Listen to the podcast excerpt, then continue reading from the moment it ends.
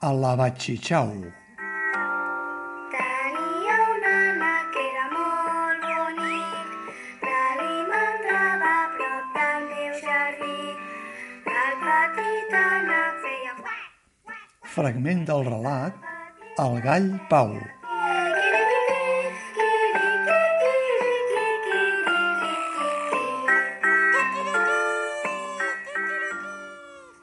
El gall Pau s'havia guanyat a pols el seu nom.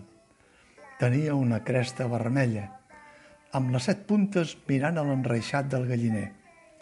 I els que el coneixien sabien que no havia provocat mai una baralla ni per una picossada de moresc.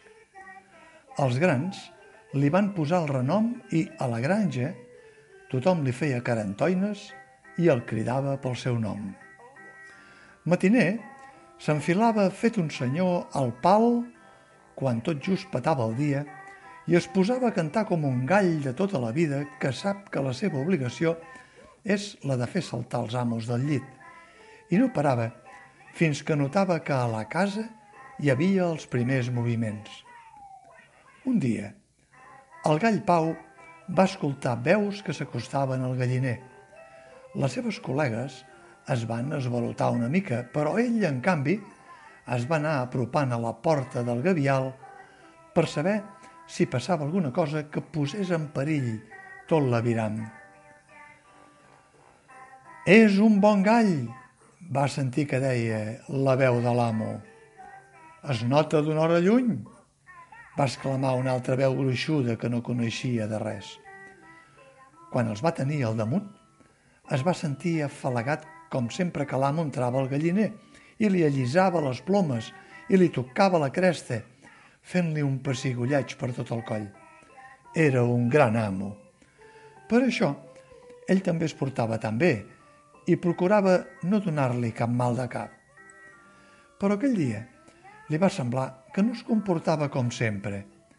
Li acaronava el plomatge d'una manera especial i li passava les puntes dels dits per la cresta de tal manera que més que pessigolles li feien esborronar tota la pell com si la tingués de gallina.